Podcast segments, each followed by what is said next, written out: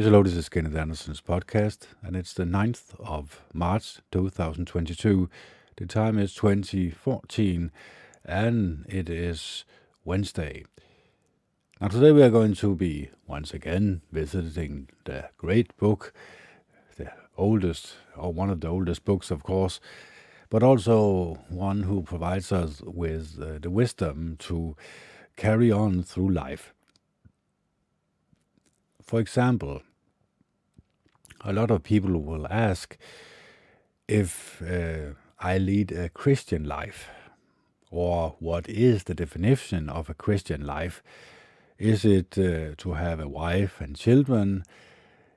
Is it to stay clear of the pitfalls of this world? And the answer is yes and no. because you can actually also live in harmony with Jehovah God uh, and being a sim- single man or a single woman. So there are some options available for us. But of course, if we look at the Bible scriptures, we can clearly see that uh, sex is only allowed uh, when it is in marriage, of course. So a lot of people will disregard this, disregard this as old fashioned. And of course, it's old fashioned. It's been around for many thousands of years. And of course, many people will say it's a bad thing that it does not provide people with freedom, the freedom to choose what they want to do with their life. And that is, of course, uh, partially true but it also comes with some pitfalls. It comes with some downsides. When you refuse to obey what the Bible clearly teaches us, well, of course, then you also have to suffer the bad consequences that this might provide you with. Uh, for example, let's say that you have a lot of sexual partners. What could that entails? What could that provide you with? Well, of course, a lot of unfinished business, a lot of emotional baggage, a lot of emotional connectiveness, and of course, also the complete opposite. Perhaps you hate uh, another person who you have slept with in the past, or perhaps that person hates you. So, jealousy and anger it could travel with you if you have a lot of sexual partners. so, is this a good thing or a bad thing? Well, a lot of people will also disregard this and say, well, that is only part of it, because having the liberty of sleeping around provides you with some sort of freedom that you, or some sort of um, positive thing in your life that cannot be provided for you in marriage. but that is also perhaps not so true as to the consequences. Because people do not really think too seriously about the consequences that uh, these decisions have in our lives. And of course, that is true. That if you do not think about the consequences, and just live your life accordingly. When you decide something, you do not really think too carefully about it. You follow your intuition, as I talked about in the Danish podcast, and following, following our intuition is not such a good thing. Two seconds here. And following our intuition is not such a good thing. Why? Well, because our intuition can actually lead us astray. It's true, it can provide us with a lot of positive experiences here in life, but if we follow our intuition, our inner voice, and does not or do not uh, ask Jehovah God for help, then of course we cannot really expect Him to answer us or expect Him to guide us in any way.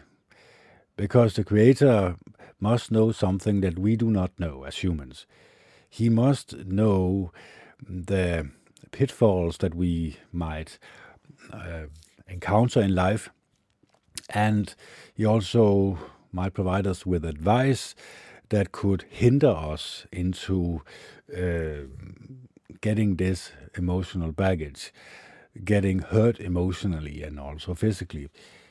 Uh, for example, the Bible clearly states that a man must not travel to a prostitute. But again, the counter action could be, or the counter answer could be, well, of course, you can visit a prostitute. What's the big deal?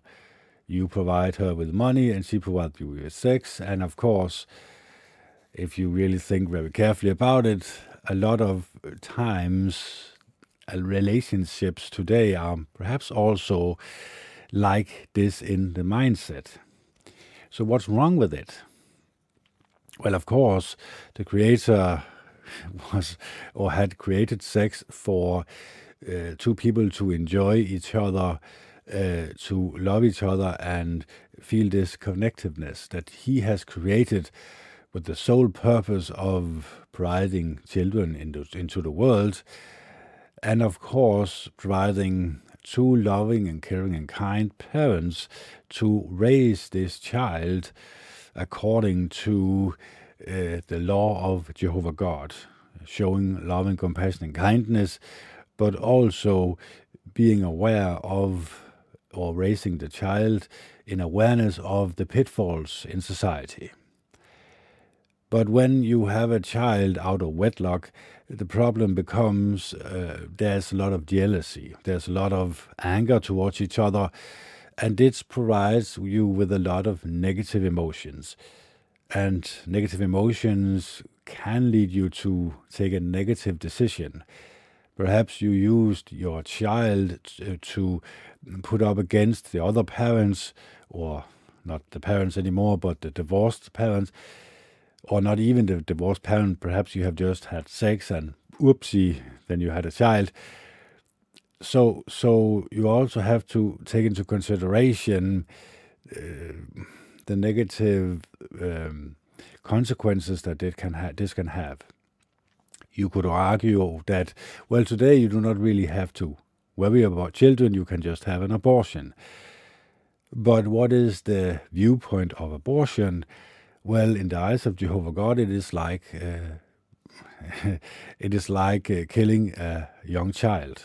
It is like murder. So that is the issue that we also have in this uh, brainstorming of what does Jehovah God wants us to do and also what is best for us because a lot of people might say that, well, abortion does not have any consequences. But I'm here to tell you that it's going to provide you with a lot of negative um, human emotions, a baggage that you have to carry around your entire life. The man is, of course, he does not care about this, but the woman who had this abortion will have to live the, with the guilt and the shame the rest of her life. And a lot of liberated women will say, well, that comes with the territory, or just ignore this because uh, this has nothing to do with uh, being liberated. Being liberated means that you have to choose yourself who you want to bring into the world and who you refuse to bring into the world. This is not so in the eyes of Jehovah God. So he says uh, that it can provide us with some negative, bad human behaviors and emotions that you can actually mm, become a not only negative person but also a very depressed person. So he warns us about the negative consequences of refusing to obey him. And of course, you can refuse to obey him. You can refuse to to do what he wants you to do, but you also have to suffer the negative consequences of your actions. You reap what you sow, of course. So this is just taking a small snippet of it. the second one could be, Thou shalt not steal. Well, of course, many people say, Well, of course, we should not steal. But taking something from your employer, your boss, does not really matter. Taking some something from the government, cheating in taxes, does not really matter. But that is not true in the eyes of Jehovah God taking uh, something that belongs to another thing, entity, or person is basically stealing. So it's very important to Jehovah God that we take very seriously how he uh, distinguishes uh, this uh, stealing, for example. So when you say no to stealing or lying or deceiving people, then you are actually doing what Jehovah God wants you to do as a person. It should be obvious to everyone, of course, but it is not obvious to every person on the planet. And this is because we have moved away from obeying what Jehovah God wants us to do, to obey. And of course, when I talk about this, I talk about it in generalizations, of course, because I know there is some small minorities that also could be taken into consideration. Because every time you talk about abortion, uh, people talk about, well, what about a, a young woman who was raped, for example? Should she have this child, or she, or should she have an abortion? maybe she could have it up for adoption, for example, instead. So she had not done anything wrong. And of course, the rapist, you know how Jehovah God views him. Well, of course, in the Old Testament, he had to put, be put to death, but today there are laws in place that should punish a person uh, severely who has done this bad deed. But of course, there's also some issues here because mm, the problem with human beings is they have a tendency or can have a tendency to lie. And of course, even women, believe it or not, I'm not killing the messenger, believe believe it or not, they can actually also lie. They can actually also mm, become jealous or angry at a man and accuse him of uh, raping them or at least forcing them to have sex with them or colluding them to have sex with them. And of course, in a court of law, it is always or almost always uh, favoring the woman today. So we have to take this into consideration when we simply just uh, analyze uh, this how does Jehovah God really want us to live our life? Well, of course, if we look uh, back again and see that He wants two people to be married all their lives, to better and to worse, of course, they have to work things out, so to speak. And this is the difficulty because the pressure of the world to inflict its viewpoint on a marriage is severe. It is in every show, in every television series. So you have to take into consideration when the Bible clearly states the whole world is in the evil's power. It means that it is the entire world that is in the evil's power, also meaning the best friend that we call our uh, or sorry, the dead object that we call our best friend, the television or our smartphone, is actually also in the evil's power, meaning that the mindset of Satan and his demons are in our phone. But we have gotten so used to it that basically when I talk, um, the way I think Jehovah God wants us to live our life, it sounds very strange and odd indeed. But of course, it is really not up to us to decide what we can and cannot do uh, if we want to please Jehovah God. If you want to uh, please your best friend, and of course, he hated if you steal, if you murder, if you sleep with uh, his wife and make her pregnant and make her have an abortion. Well, that is, you cannot change your friend's viewpoint on these um, topics or these uh, acts, of course. So you have to take into consideration the viewpoint of Jehovah God. What does He want us to do in order for us to please Him, in order for us to stay close in contact with Him? This is not an easy task, of course, but it can actually be done. Through hard work and meditation, through a root study of the Bible, through a connectiveness with Jehovah God, and of course, when we pray to Him, we close our prayer in the name of Jesus Christ so we remember the greatest sacrifice of them all. Why? Well, because Jehovah God resurrected Jesus Christ and he is now king in uh, the heavenly realm in the kingdom of Jehovah God. And when we die, we all die and get a resurrection, we all get a resurrection, we are all going to stand before the heavenly throne where Jesus Christ sits. And of course, it could be nice if our judgment was a good one. It could be nice if we were guided or told mm, this is the way you can live an uplifting and fulfilling life filled with joy and happiness, filled with loving kindness, filled with all these positive human emotions when you do what Jehovah God wants us to do as humans, the way He wants us to act, the way He wants us to decide for ourselves, this is the bad consequence if you if you go on this path, and this is the good consequences if you go on this path. And now you have to choose. That is why I make these podcasts because I know for myself that I need to focus on the will of Jehovah God, the Almighty One, in order for me to stay close friends with Him. And I hope you will do the same. So many people will disregard all the things that I've said the past 17 minutes. Why?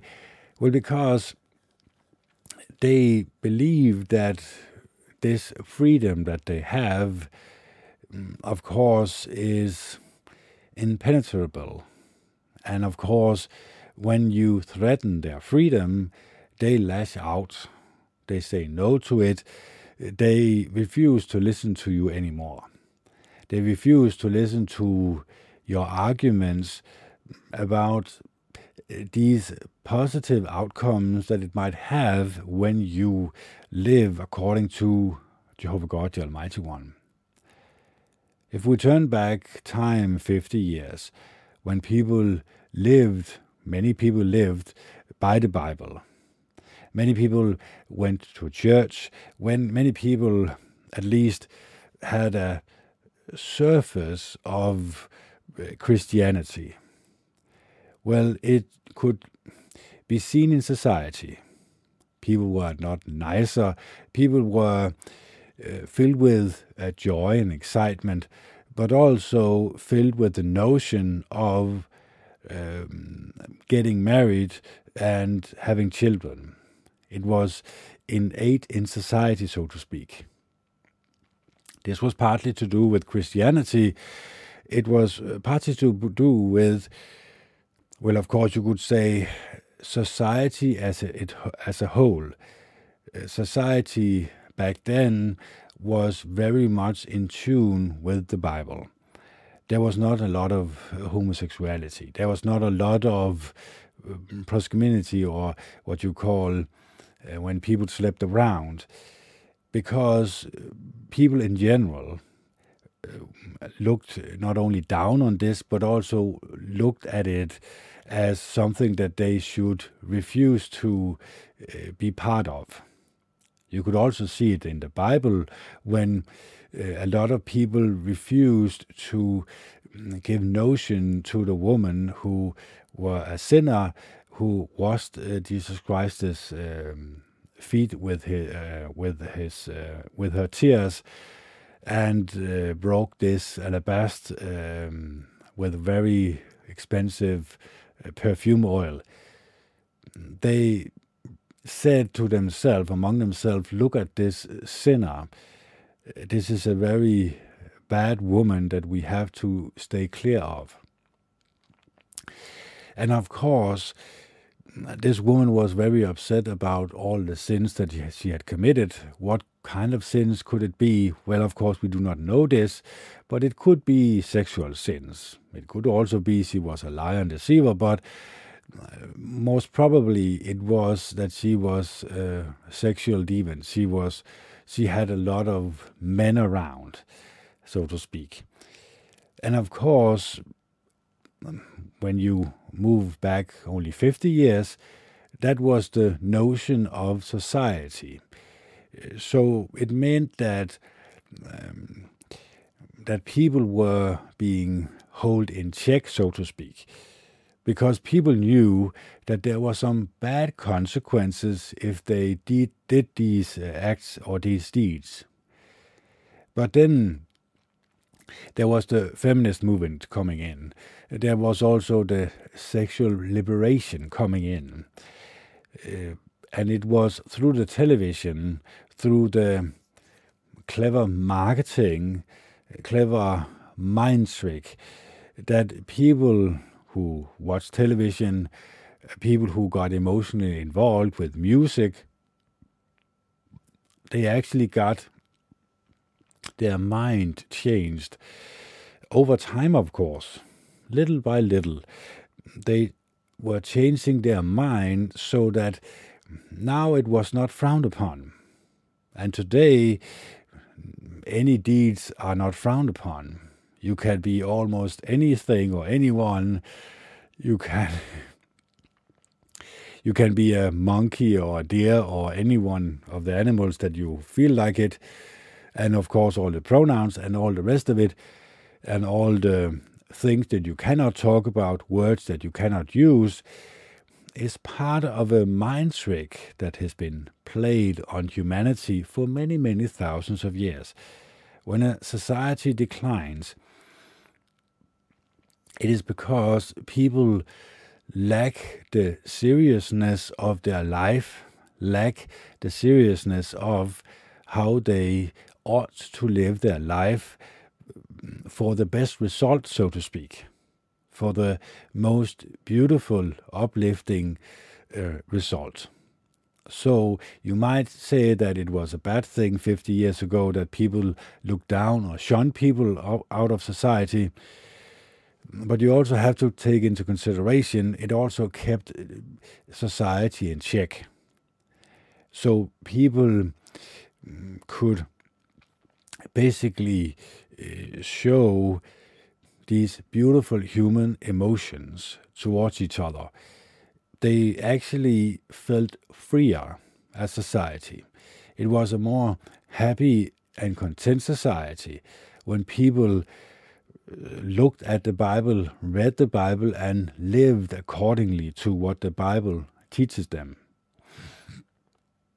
So that's why I would not suggest you join any religious society. Why? Well, because um, the problem is that I could have an uh, interpretation of the Bible that you do not share with me. That's fine.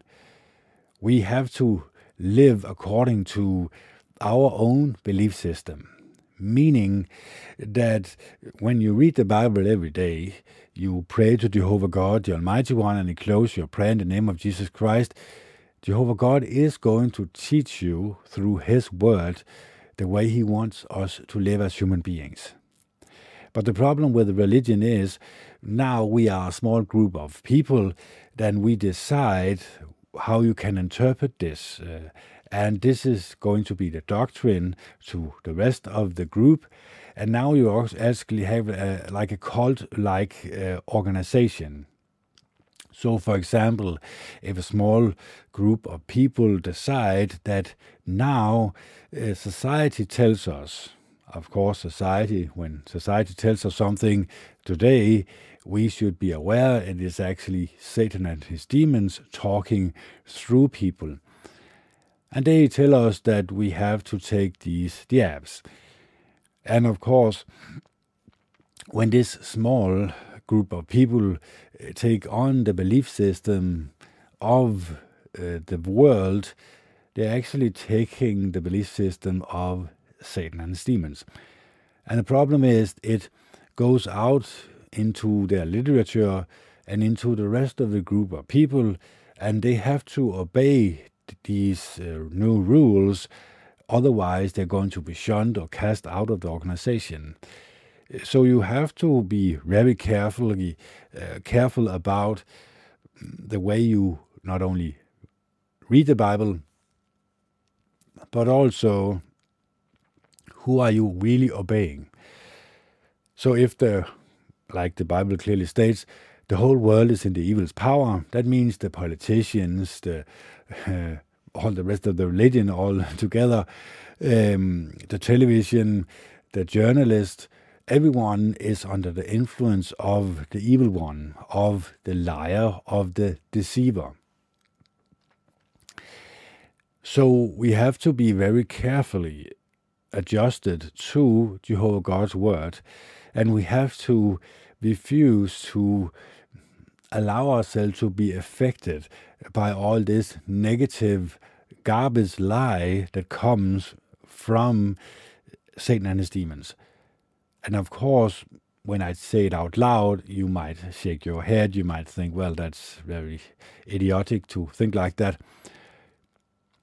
But it keeps me protected. It keeps my decision making accordingly to Jehovah God, the Almighty One. So, without further ado, because I can rant on for many, many hours, let's take on the mindset of Jehovah God, the Almighty One. And the first one here is First King number 18.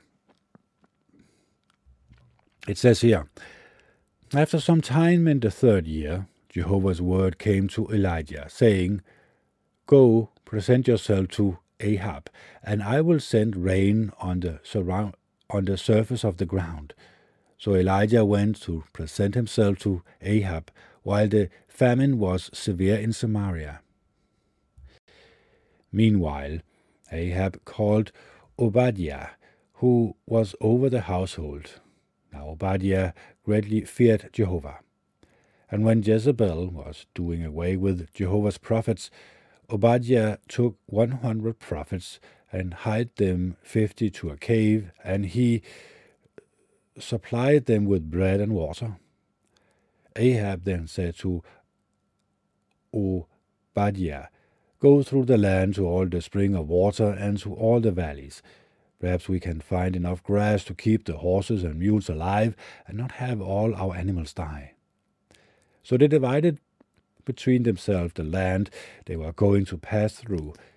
Ahab went along by one way, and Obadiah went along by another way. As Obadiah was on his way, Elijah was there to meet him. At once he recognized him and fell face down and said, Is this you, my lord Elijah? He replied to him, It is I. Go and tell your lord Elijah is here. But he said, What sin have I committed that you should hand your servants over to Ahab to put me to death? As surely as Jehovah your God is living, there is not a nation or a kingdom where my Lord has not sent to look for you after they said, Here is not he is not here. He made the kingdom and the nation swear that they could not find you. Now you are saying, Go and tell your Lord Elijah is here. When I depart from you, the Spirit of Jehovah will carry you away to a place I will not know. And when I tell Ahab, and he does not find you, he will surely kill me. Yet your servant has feared Jehovah from his youth. Has my Lord not been told that I did what I did when Jezebel was killing the prophets of Jehovah, how I hired 100 of the prophets of Jehovah by groups of 50 in a cave and kept supplying them with bread and water. But now you are saying, Go and tell your Lord Elijah is here. He will certainly kill me.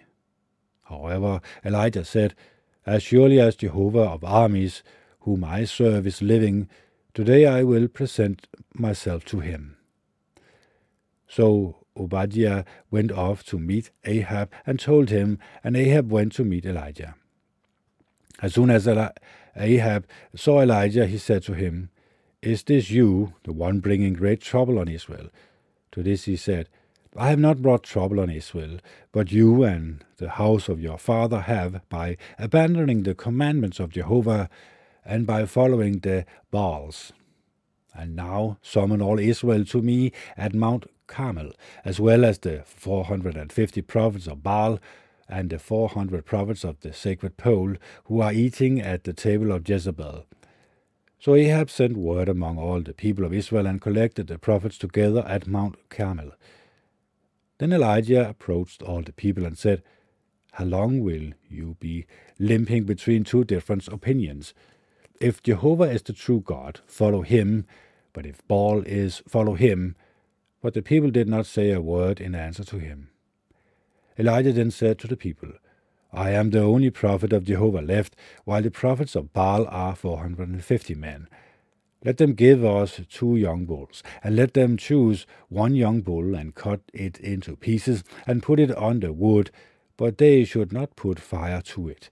I will prepare the other young bull, and I will place it on the wood, but I will not put fire to it. Then you must call on the name of your God, and I will call on the name of Jehovah. The God who answers by fire will show that he is the true God. To this all the people answered, What you say is good. Elijah now said to the prophets of Baal, Choose one young bull and prepare it first, because you are the majority. Then call on the name of your God, but you must not put fire to it. So they took the young bull that was given to them, prepared it, and kept calling on the name of Baal from morning until noon, saying, O Baal, answer us. But there was no voice, and no one was answering. They kept limping around the altar that they had made. About noon, Elijah began to mock them and say, Call out at the top of your voices. After all, he is a god. Perhaps he is deep in thought, or he has gone to relieve himself. Or maybe he is asleep and someone needs to wake him up. They were calling out at the top of their voices and cutting themselves with daggers and lances according to their custom, until their blood gushed out all over them. Noon was past, and they continued in a frenzy until the time the evening grain offering is presented. But there was no voice and no one answering, no one was paying attention. At length Elijah said to all the people, Approach me. So all the people approached him. Then he repaired the altar of Jehovah that had been torn down. Elijah then took twelve stones corresponding to the numbers of the tribes of the sons of Jacob, to whom Jehovah's word has come, saying, Israel be Israel will be your name. With the stones he built an altar in the name of Jehovah. Then he made a trench all around the altar, an area large enough to uh, saw with two sea measures of seeds. After that, he put the pieces of wood in order, cut the young bull into pieces and placed it on the wood. He now said, Fill four large jars with water and pour it on the burnt offering and on the piece of wood. Then he said, Do it again. So they did it again. Once more he said, do it a third time. So they did it a third time, and the water ran all around the altar, and he also filled the trench with water. About the time when the evening grain offering is presented, Elijah the prophet stepped forward and said, O Jehovah, the God of Abraham, Isaac, and Israel, today let it be known that you are God in Israel, and that I am your servant, and that it is by your word that I have done all these things. Answer me, O Jehovah. Answer me so that this people may know that you, Jehovah, are the true God, and that you are turning their hearts back to you. At that, the fire of Jehovah fell from above and consumed the burnt offering, the piece of wood, the stones, and the dust, and it licked up the water from the trench. When all the people saw it, they immediately fell face down and said, Jehovah is the true God. Jehovah is the true God. Then Elijah said to them, Seize the prophets of Baal. Do not let a single one of them escape. At once they seized them, and Elijah brought them down to the stream of Kishon and slaughtered them there. Elijah now said to Ahab, Go up, eat and drink, for there is the sound of a heavy downpour. So Ahab went up to eat and drink, while Elijah went up to the top of Carmel and crouched on the ground, keeping his face between his knees. Then he said to his attendant, Go up, please, and look towards the sea. So he went up and looked, and there, and said, There is nothing at all. Seven times Elijah said, Go back. The seventh time his attendant said, Look, there is a small cloud like a man's hand ascending out of the sea. He now said, Go say to Ahab, Hitch up uh, the chariot. Go down so go down so that the downpour may not detain you. Meanwhile, the sky grew dark with clouds, the wind blew, and a heavy downpour fell. And Ahab kept riding and made his way to Jezebel. But the hand of Jehovah came on Elijah, and he wrapped his garments around his hips and ran ahead of Ahab all the way to Jezreel. Then Ahab told Jezebel, Jezebel all that Elijah had done, and how he had killed all the prophets with the sword. At that, Jezebel sent a messenger to Elijah, saying, So may the gods do to me and add to it, if by this time tomorrow I do not make you like each one of them.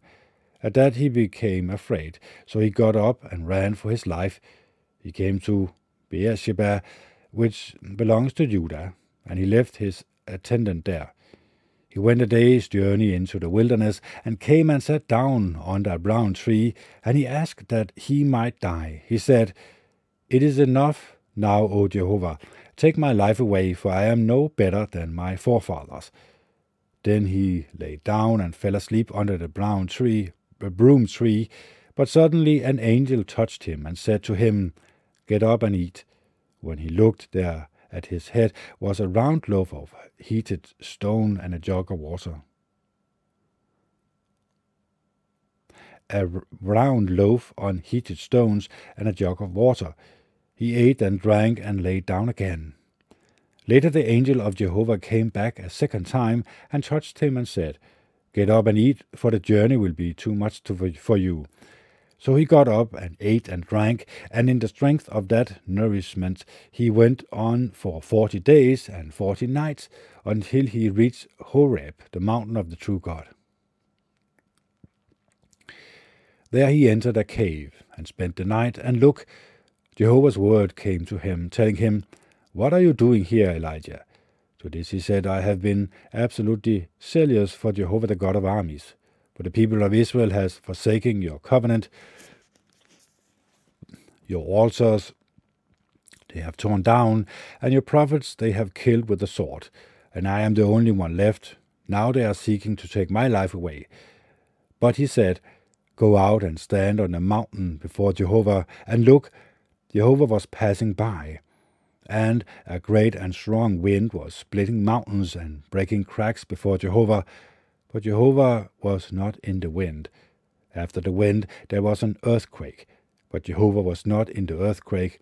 After the earthquake there was a fire, but Jehovah was not in the fire. After the fire there was a calm, low voice. As soon as Elijah heard it, he wrapped his face in his official garment and went out and stood at the entrance of the cave.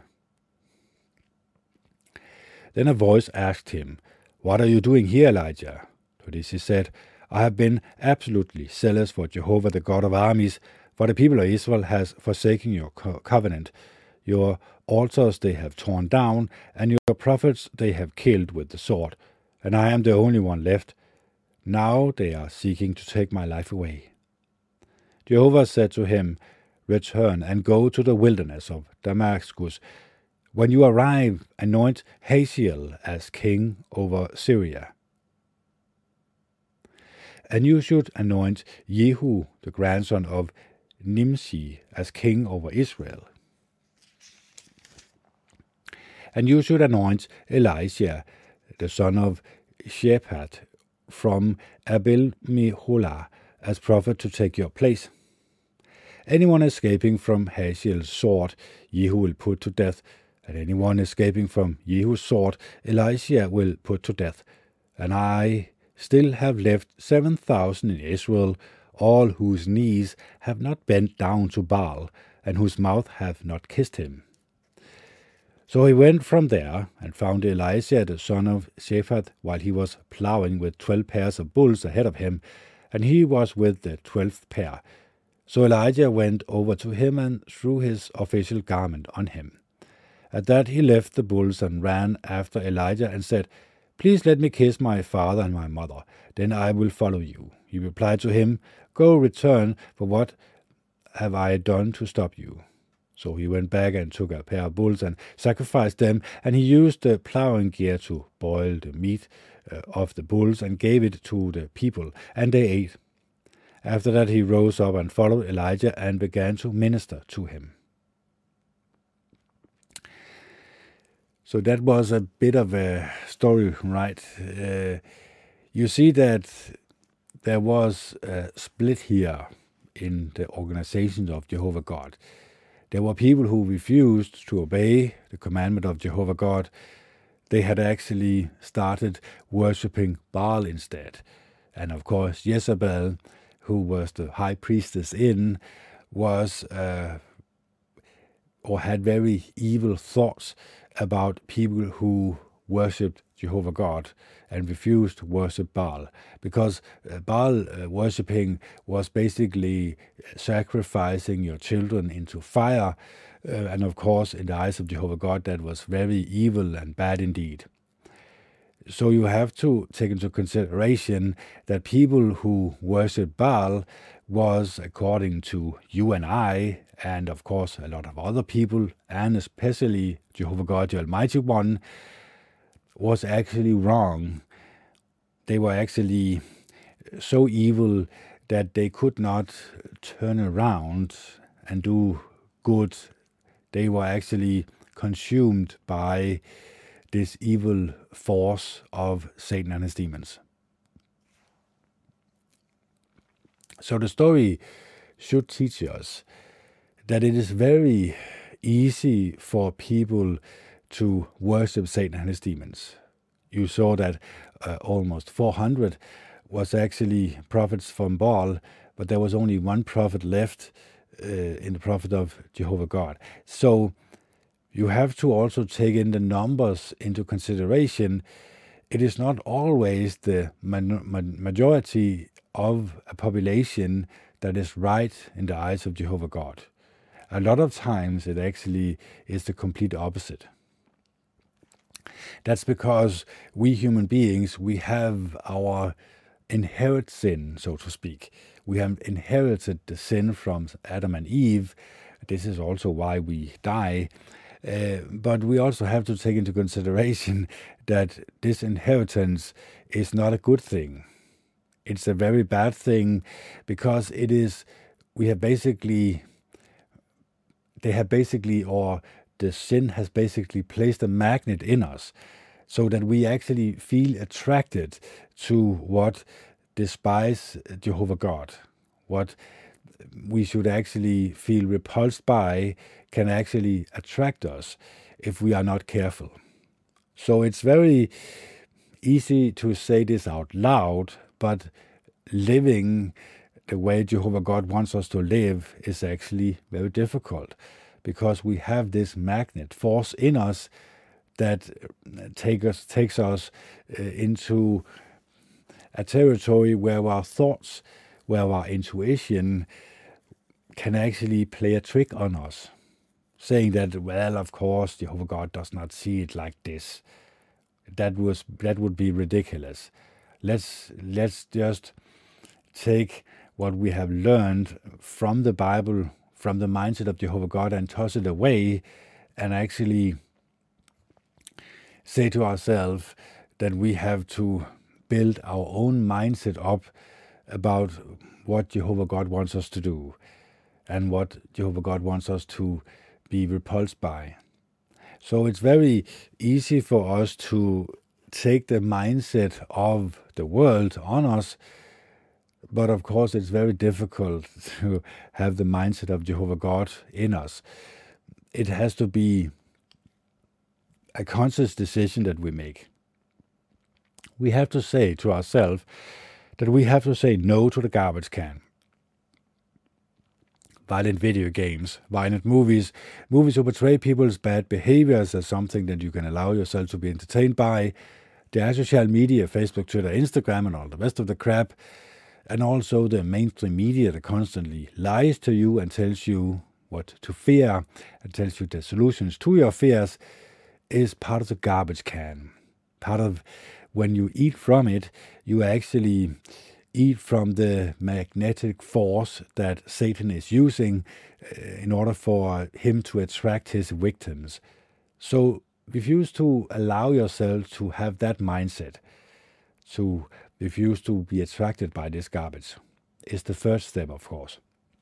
The second step is, of course, meditation, where you meditate on Jehovah God's glory. You meditate on what can I do in my life to alter my mind in such a way that it is pleasing to Jehovah God. So, having a mindset like this is of the utmost importance. So, let's just take the last step here in the Bible. We have to read Act number uh, 22.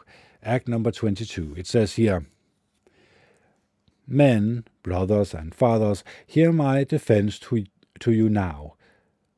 Well, when they heard that he was addressing them in the Hebrew language, they kept all the more silent, and he said, I am a Jew, born in Tarsus of uh, but educated in this city at the feet of Gamaliel, instructed according to the strictness of the ancient law, and zealous for God, just as all of you are this day.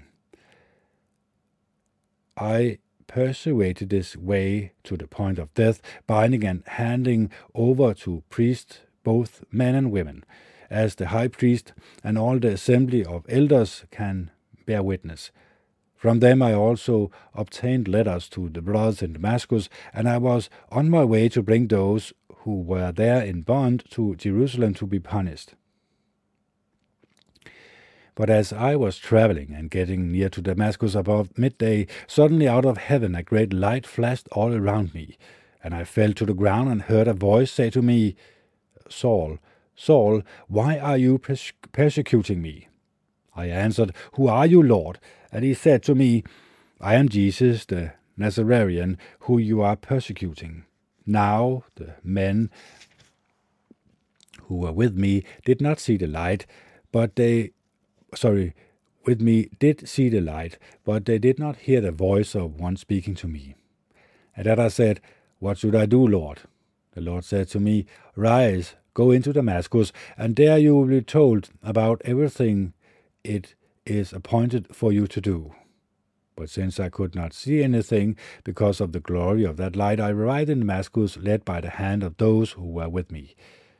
Then a man named Ananias, a devoted man according to the law, well reported on by all the Jews living there, came to me. He stood by me and said to me, Saul, brother, regain your sight. And that very moment I looked up and saw him. He said, the God of our forefathers has chosen you to come to know his will and to see the righteous one and to hear the voice of his mouth, because you are to be a witness for him to all men of the things you have seen and heard. And now, why are you delaying? Rise, get baptized, and wash your sins away by your calling on his name. But when I returned to Jerusalem and was praying in the temple, I fell into a trance and saw him saying to me, Hurry up and get out of Jerusalem quickly, because they will not accept your witness uh, concerning me. And I said, Lord, they themselves will know that I used to imprison and flog in one synagogue after another those believing in you. And when the blood of Stephen, your witness, was being spilled, I was standing by and appro- approving and guarding the outer garment of those doing away with him. And yet he said to me, Go, because I will send you out to nations far away.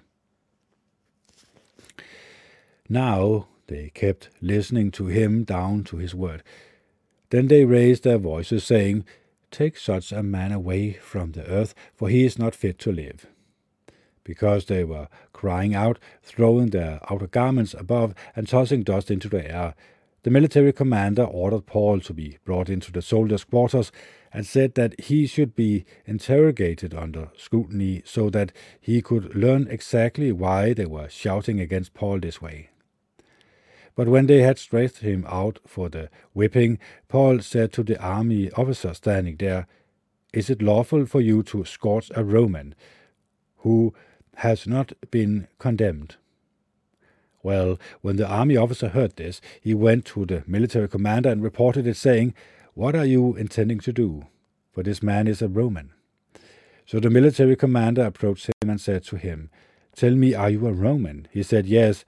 The military commander reported, uh, responded, I, per- I persuade these rights as a citizen for a large sum of money, Paul said, but I have them by birth.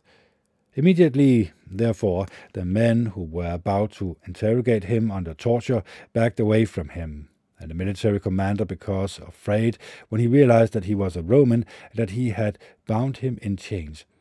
So the next day, because he wanted to know for sure just why he was being accused by the Jews, he released him and commanded the chief priest and all the Sanhedrin to assemble. He then brought Paul down and had him stand among them. Looking intensely at the Sanhedrin, Paul said, Men, brothers, I have behaved before Jehovah with a perfectly clear conscience down to this day. At this, the high priest Ananias ordered those standing by him to strike him on the mouth. Then Paul said to him, God is going to strike you, your whitewashed wall. Do you sit to judge me according to law and at the same time violate the law by commanding me to be struck? Those standing by said, Are you insulting the high priest of God? And Paul said, Brother, I did not know he was high priest. For it is written, You must not speak injuriously of a ruler of your people. Now, Paul, knowing that the one part was made up of uh, Sadducees, but the other of Pharisees, cried out in the Sanhedrin, Men, brothers, I am a Pharisee, a son of a Pharisee. Over the hope of the resurrections of the dead, I am being judged. Because he said this, a decision arose. A dissension arose between the Pharisees and the Sadducees, and the assembly was split. For the Sadducees say that there is neither resurrection, nor angels, nor spirit, but the Pharisees accept them all. So a great uproar broke out, and some of the scribes of the party of the Pharisees rose and began arguing fiercely, saying, We find nothing wrong in this man, but if a spirit or an angel spoke to him. Now, when the discussion grew great, the military commander feared that Paul would be torn apart by them, and he commanded the soldiers to go down and snatch him from their midst and bring him into the soldiers' quarters. But the following night the Lord stood by him and said, Take courage, for just as you have been giving a thoroughly witness about me in Jerusalem, so you must also bear witness in Rome. When it became day, the Jews forced a conspiracy and bound themselves with a curse, saying that they would neither eat nor drink until they had killed Paul. There were more than forty men who formed this outbound conspiracy. These men went to the chief priest and the elders and said, We have solemnly bound ourselves with a curse not to eat anything at all until we have killed Paul. So now you so now you together with the Sanhedrin should inform the military commander that he should bring him down to you as though you want to examine his case more thoroughly. But before he gets there, we will be ready to go away with him. To, sorry, to do away with him. However, the son of Paul's sister heard of the ambush they were planning, and he entered the soldiers' quarters and reported it to Paul. Paul then called on one of the army officers to him and said, Take this young man to the military commander, for he has something to report to him. So he brought him and led him to the military commander and said, The prisoner Paul called me and asked me to bring this young man to you because he has something to tell you. The military commander took him by the hand and withdrew privately and asked him, What do you have to report to me? He said, The Jews have agreed to request you to bring Paul down to the Sanhedrin tomorrow, as though they intend to learn more detail about his case. But do not let them persuade you. Persuade you, for more than forty of their men are waiting to ambush him and they have bound themselves with a curse, neither to eat nor to drink until they have killed him, and they are now ready, waiting for the promise from you. So the military commander let the young man go after ordering him, Do not tell anyone that you have informed me of this. And he summoned two of the army's officers and said, Get 200 soldiers ready to march clear to Caesarea, also 70 horsemen and 200 spearmen, at the third hour of the night also provide horses for Paul to ride to take him safely to Felix the governor. And he wrote a letter to with this content. Claudius Lysias to his excellence, Governor Felix, greetings. This man was seized by the Jews and was about to be killed by them, but I came quickly with my soldiers and rescued him, because I learned that he is a Roman. And waiting to find out the cause for which they were accusing him, I brought him down into their Sanhedrin. I find him to be accused about questions of their law, but not charged with a single thing deserving of death or prison bonds. But because a plot against the man was being made known to me, I am at once sending him to you and ordering the accusers to speak against him before you. So these soldiers took Paul according to their orders and brought him by night to the Antipatris.